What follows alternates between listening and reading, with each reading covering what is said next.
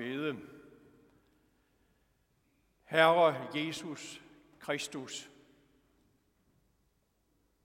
som du var, sådan er du også for os. Tak og lov og pris for det. Så er det også os, du mener, når du siger, kom til mig, alle I, som slider jer trætte og bærer tunge byrder. Sig det til os på ny, så vi også gør det. Og mærker lettelsen, befrielsen, storheden ved at følge dig. Amen. Når vi kommer her ind i Kristkirken, fanges blikket med det samme af den store statue oppe ved alderet. Og ingen er i tvivl om, hvem det forestiller. Det er Jesus. Statuen er en kopi af den, der findes i Københavns Domkirke. Den blev udført af billedhuggeren Bertel Thorvaldsen. Den anden dag blev det nævnt i medierne, at det var 250 år siden Bertel Thorvaldsen blev født i København. Men han boede faktisk hele sit voksenliv i Italien, i Rom, og var en af Europas allerstørste billedhuggere og kunstnere, for han også lavede malerier. Under et hjemmeophold i København i 1820 blev han bestilt til at udsmykke Københavns nyopførte Vor Frue Kirke, for kirken var blevet totalt smadret under englændernes bombardement i 1807. Torvaldsen har lavet masser af figurer, apostlene blandt andet. Men den mest berømte og i øjnefaldende af Bertel Thorvaldsens skulptur er Kristusstatuen i, i hvidt marmor i Københavns Domkirke, 3,5 meter høj. Og på soklen står der de ord, som danner baggrunden for figuren. Der står bare kortfattet, kommer til mig. Altså det, vi lige har hørt. Kom til mig, alle I, som slider jer trætte og bærer tunge byrder.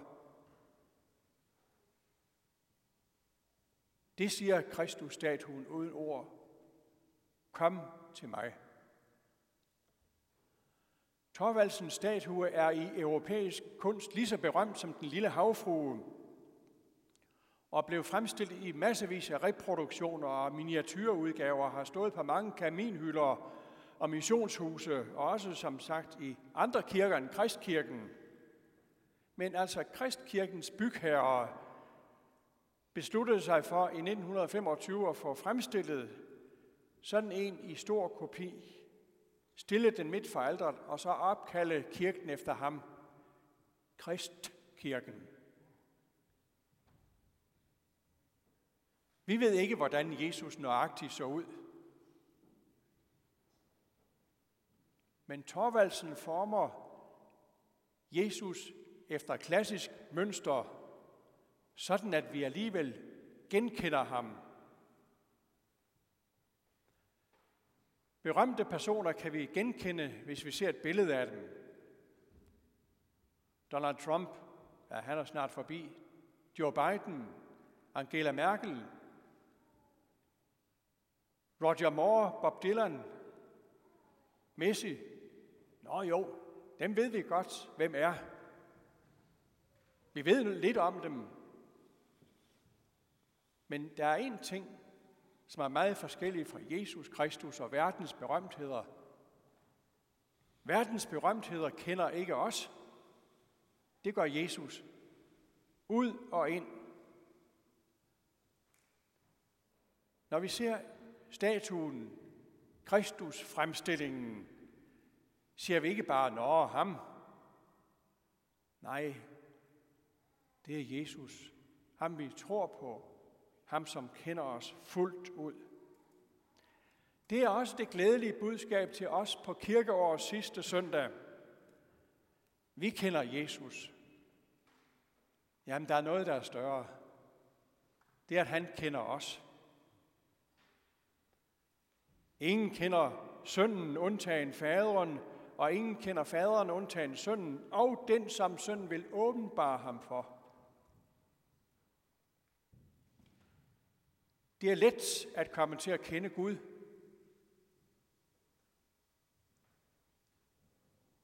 Vejen til Gud går ikke gennem intellektuelle spekulationer, men ved at kende Jesus og være kendt af ham.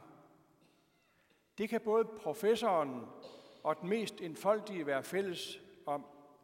Jeg priser dig, Fader, himlens og jordens herre, fordi du har skjult dette for vise og forstandige og åbenbart det for umyndige. Vejen til Gud går via Jesus. Og der er ingen andre veje. Det er nemt at komme til at kende ham, undtagen for den, der vil gøre sig klog i egne tanker. På den sidste søndag i kirkeåret er den røde tråd i gudstjenesten den samme, som den er hver eneste sønd og helligdag. Navnet Jesus.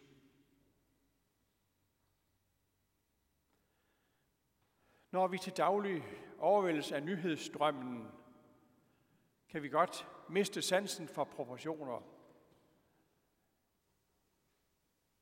Vi hører hele tiden om griskhed uden grænser,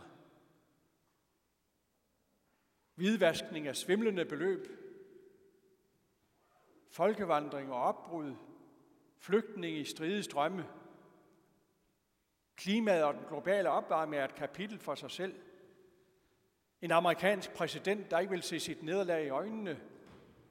Og coronaen har sat dagsordenen i stort set 2020.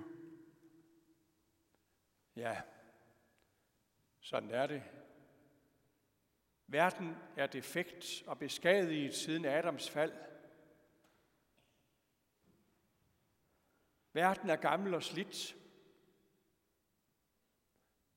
Jorden er som et synkefærdigt skib, der tager vand ind alle vegne. Derfor må vi til pumperne og reparere og tætne så godt vi kan, for vi er ikke i havn endnu. Men et tror vi. Gud er på tronen endnu og styrer menneskehedens og historiens gang frem mod målet, når Gud nyskaber himmel og jord. Vi tror, at Jesus er profetiens mål og opfyldelse. Således også det stykke af profetien, vi hørte fra Mikas bog. Kom, lad os drage op til Herrens bjerg, til Jakobs Guds hus.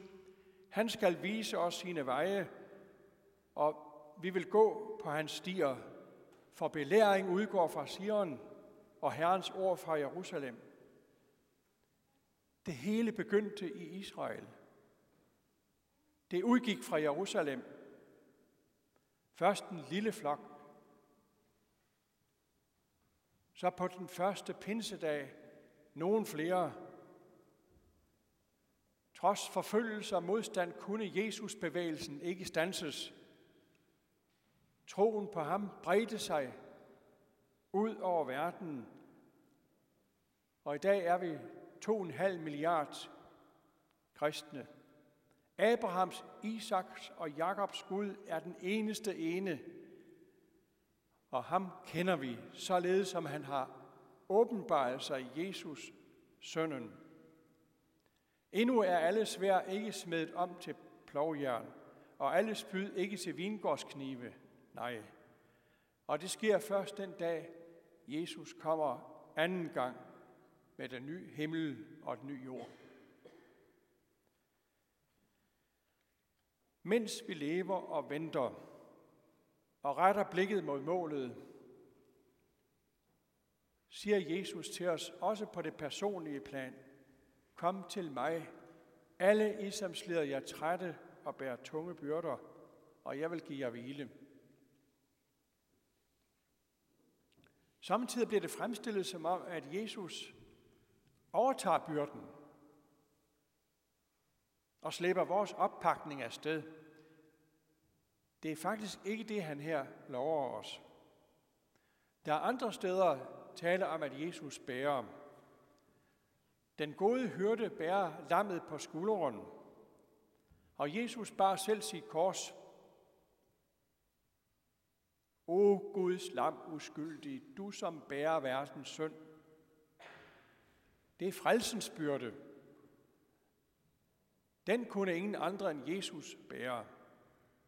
Og det er det lys, vi ser ham. Men her taler Jesus om livets byrder. At vi må komme til ham, og så vil han give os at hvile ud, så vi selv bliver i stand til at bære tunge byrder. Tunge byrder kan have mange navne. Depression og novembermørke, bange anelser for fremtiden, kærestesover, et kuldsejlet ægteskab, sorgen ved at have mistet, et barn, der går andre veje, end vi drømte om. Tilværelsen er jo ikke altid en køretur af en margaritrute med smukke landskaber. Ruten har stejle bakker og skarpe sving. Vi må ned i fart. Der er landsbyer med små bump og fartdæmpende chikaner. Vi kan tage fejl og køre forkert i livet.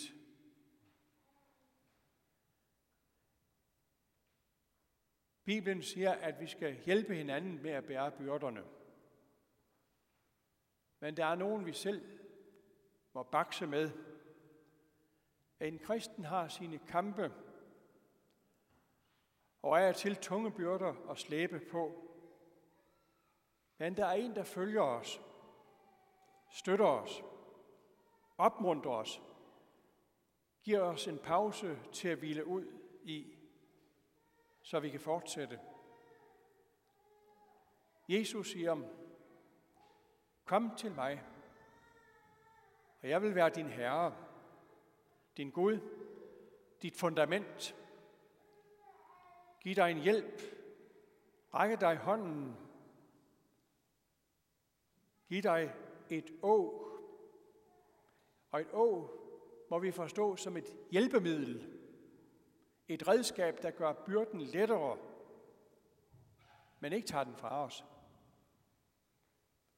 Et å gør byrden overkommelig, så vi kan holde ud og med fornyede kræfter bære vores byrde.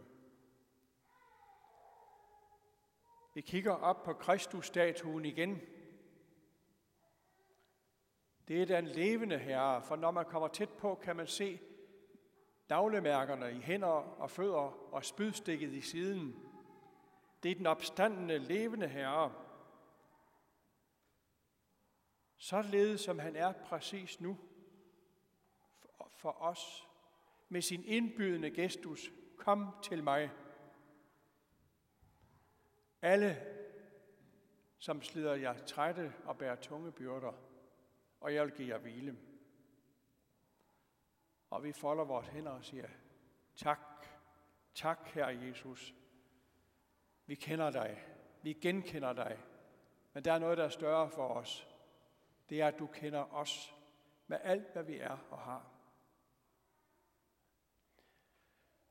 For et par uger siden øh, kørte jeg i bilen og havde tid til at høre P1, og der var et længere interview med politikeren Nasser Carter, som forsigtigt søger mod den kristne tro.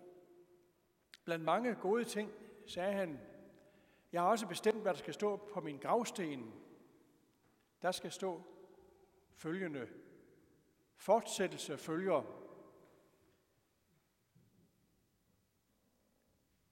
Det er jo nok fint. Det er, hvad Jesus har åbenbaret for umyndige for os. At vi må følges med ham hele vejen igennem. Komme til med byrderne. Og sammen med ham går over den sidste svære tærskel ind til den evige sommer. Jo, fortsættelse følger. Ære være faderen og sønnen og helligånden, som det var i begyndelsen, således også nu og altid og i al evighed. Amen. Lad os med apostel tilønske med andre. Hvor Herres Jesu Kristi nåde, Guds kærlighed og Helligåndens fællesskab være med os alle. Amen.